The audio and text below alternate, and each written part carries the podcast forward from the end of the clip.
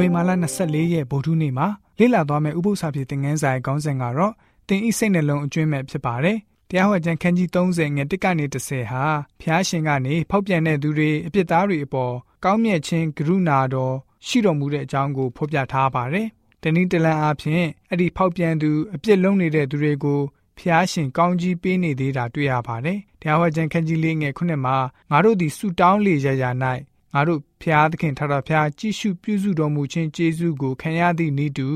အခြားသောဖျားကြည်ရှုပြုစုသောကျေးဇူးကိုအဘယ်မည်သောလူမျိုးကြီးခံရသည်နည်းဆိုပြီးတော့ဖော်ပြထားတာတွေ့ရပါတယ်။ဖျားရှင်ဟာသူတို့အတွက်ပြုတော်မူခဲ့တဲ့အရာအလုံးသူတို့မတောင်းပန်တဲ့အမှားတွေ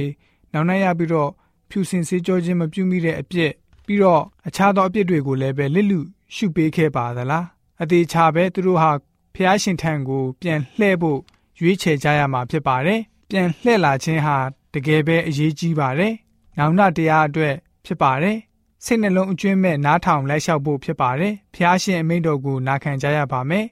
စိတ်နှလုံးသားဟာအဓိကကြပါတယ်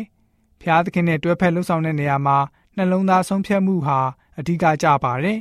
စိတ်နှလုံးပါမှသာလျှင်လှုပ်ဆောင်ချက်လိုက်ပါလာပါလိမ့်မယ်အဲ့ဒါမှသာ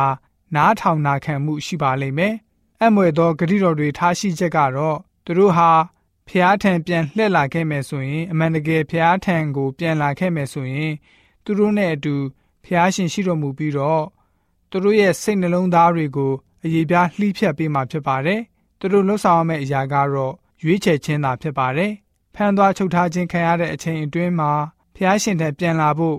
ဖျားဟာဆိုလို့ရှိရင်သူတို့တွေကိုပြန်ပြီးတော့ခေါ်ဆောင်လာပြီးတော့နေစရာပြည်ကိုပေးတော်မူပါတယ်။ အဲ့ဒီပြည်ပေါ်မှာဖျားရှင်ဟာသူတို့ကိုကောင်းကြီးမင်္ဂလာအနန္တကိုချပေးတော်မူပါတယ်။ကောင်းကြီးများစွာထဲကမှသူတို့ရဲ့စိတ်နှလုံးကိုပြောင်းလဲပေးစေတဲ့ကောင်းကြီးနဲ့ကိုရောကိုသာရှေ့ရှုအသက်ရှင်တဲ့ကောင်းကြီးတွေဟာအဓိကပဲဖြစ်ပါတယ်။ဒီလိုနဲ့သူတို့ရဲ့သားသမီးတွေဟာဖျားသခင်ထာတော်ဖျားကိုစိတ်နှလုံးအကျွမ်းမဲ့ဉာဏ်ရှိသမျှ